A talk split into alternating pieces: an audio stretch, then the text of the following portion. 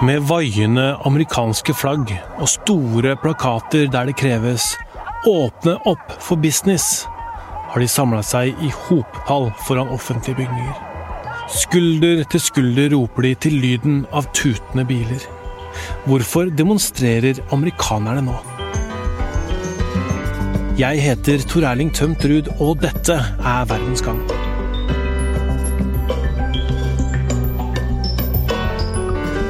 Både her hjemme og ellers i Europa har stort sett de strenge tiltakene for å hindre spredning av koronavirus blitt møtt med forståelse og dugnadsånd. Selv om de økonomiske konsekvensene er alvorlige både for samfunn og enkeltpersoner. Men vi har ikke sett de kollektive demonstrasjonene mot det myndighetene har iverksatt. I USA derimot er klimaet annerledes. Landet har over 820 000 registrerte smitta, og over 45 000 døde, ifølge VGs tall. Vi ser nå bilder av demonstrasjoner i USA, i hvert fall i noen av statene, hvor folk samles i hopetall. De står tett i tett med bannere og slagord. Og når det gjelder USA, så pleier vi å snakke med Eirik Løkke, USA-kjenner og rådgiver i Cevita. Har det gått greit i barnehagen? Ja, Det var, gikk iallfall kjempebra med starten, så. Ja. Bare håper det holder seg. Vi Hun starta i dag, så. Starta i dag, ja. Vi har vært i Dette er tredje dagen vår. Ja, nettopp. Ok, Eirik. Hvorfor demonstrerer amerikanerne mot koronatiltak nå? Det er flere grunner til det. Flere er nok uenig i behovet for alle disse tiltakene. Det har jo delvis sammenheng med at viruset har slått ulikt ut i forskjellige delstater.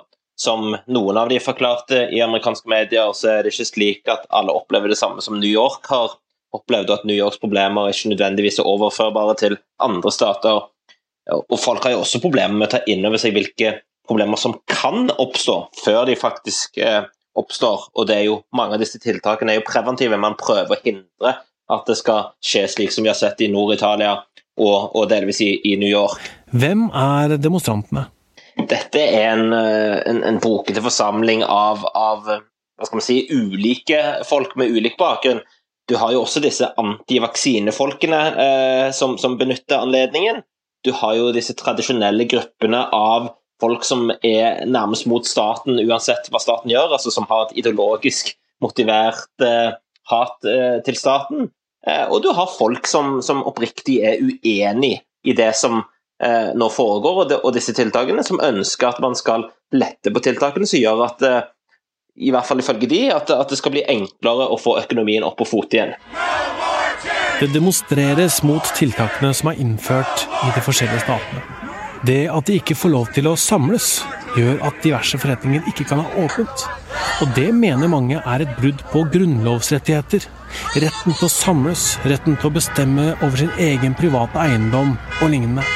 Så det er jo hele spekteret av denne type tiltak som jo på mange måter går mot en menneskelig natur. Mennesker jo, liker jo å samles, vi er sosiale dyr. Så det er klart at, at, at flere syns at dette er svært inngripende, og mange av de henviser jo da til, til Grunnloven med at, at, dette er brudd på Grunnloven. Men dette går jo da inn på med folk som må stenge businessen sin, butikker osv. Det er det som går igjen på mange av plakatene. Eh, det er jo alvorlig for en amerikaner å måtte miste livsgrunnlaget sitt? Absolutt. En sånn lockdown som vi har sett i USA og, og store deler av verden, er jo veldig alvorlig for økonomien. Og det rammer jo særlig de som har minst ressurser.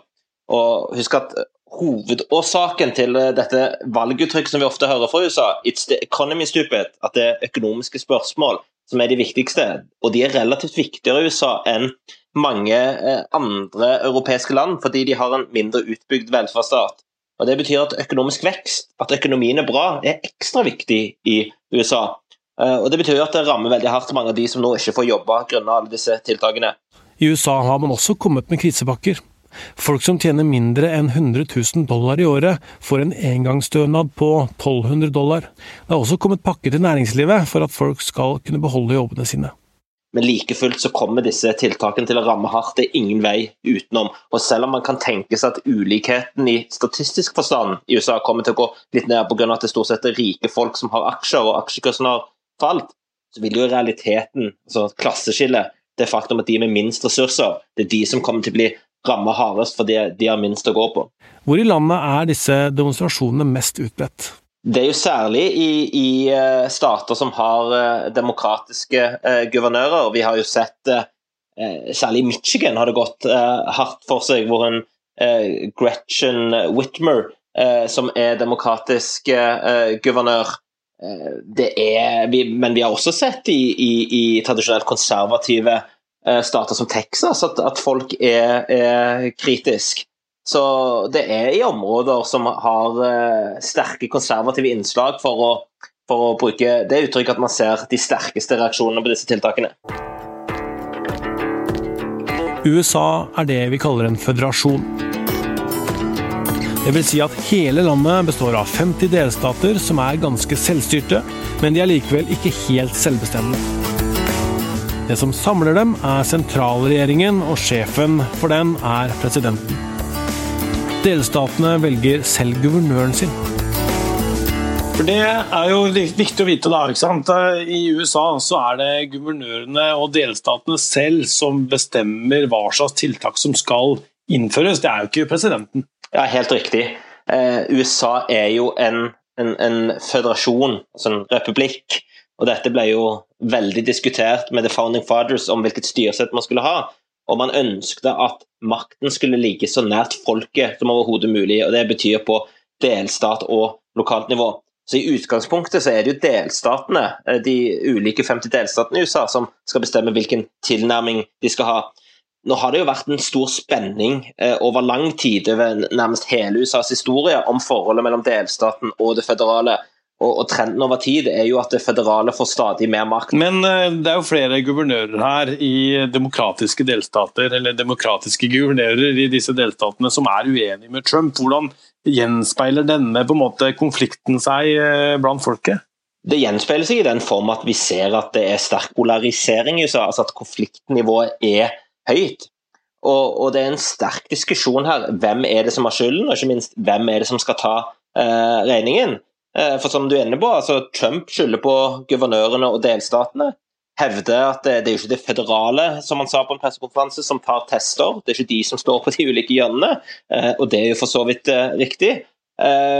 Og Han hevder videre at den overordnede responsen fra delstatene ikke har vært god nok, mens delstatene og guvernørene, spesielt de, de demokratisk styrte, skylder på manglende hjelp fra det føderale. At de ikke har fått nok utstyr, bl.a. til tester og til å, å håndtere de som har de eh, verste lidelsene, altså medisinsk utstyr.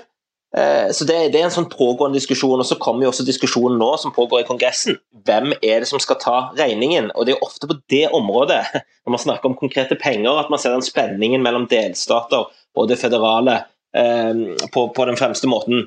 Eh, Trump frykter jo at for mye direkte hjelp til delstatene vil kunne gi han mindre makt eller mindre påvirkning til å tvinge gjennom sin vilje hvis han ønsker å åpne økonomien, altså åpne opp tiltakene tidligere enn de vil på delstatene. Så denne konsekvente spenningen mellom delstatene og det føderale, det kommer vi til å se fremover også.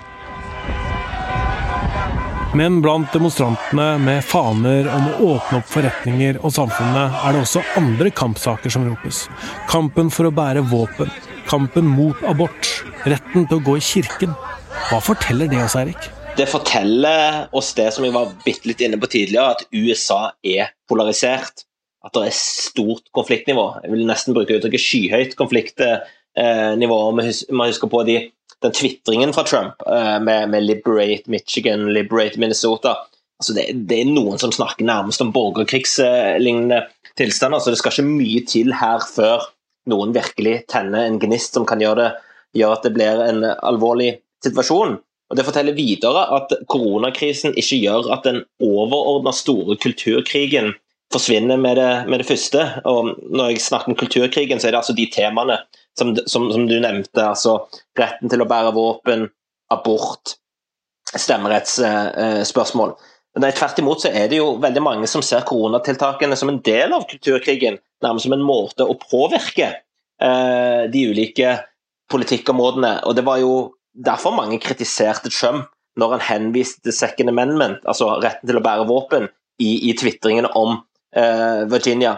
Så det er klart at, eh, at koronatiltakene og den virussituasjonen som egentlig er en situasjon hvor amerikanere burde komme sammen, eh, dessverre ikke gjør det på en måte som man kunne håpe. Den overordnede kulturkrigen, det store konfliktnivået i USA, det, det, er det all grunn til å tro kommer til å fortsette.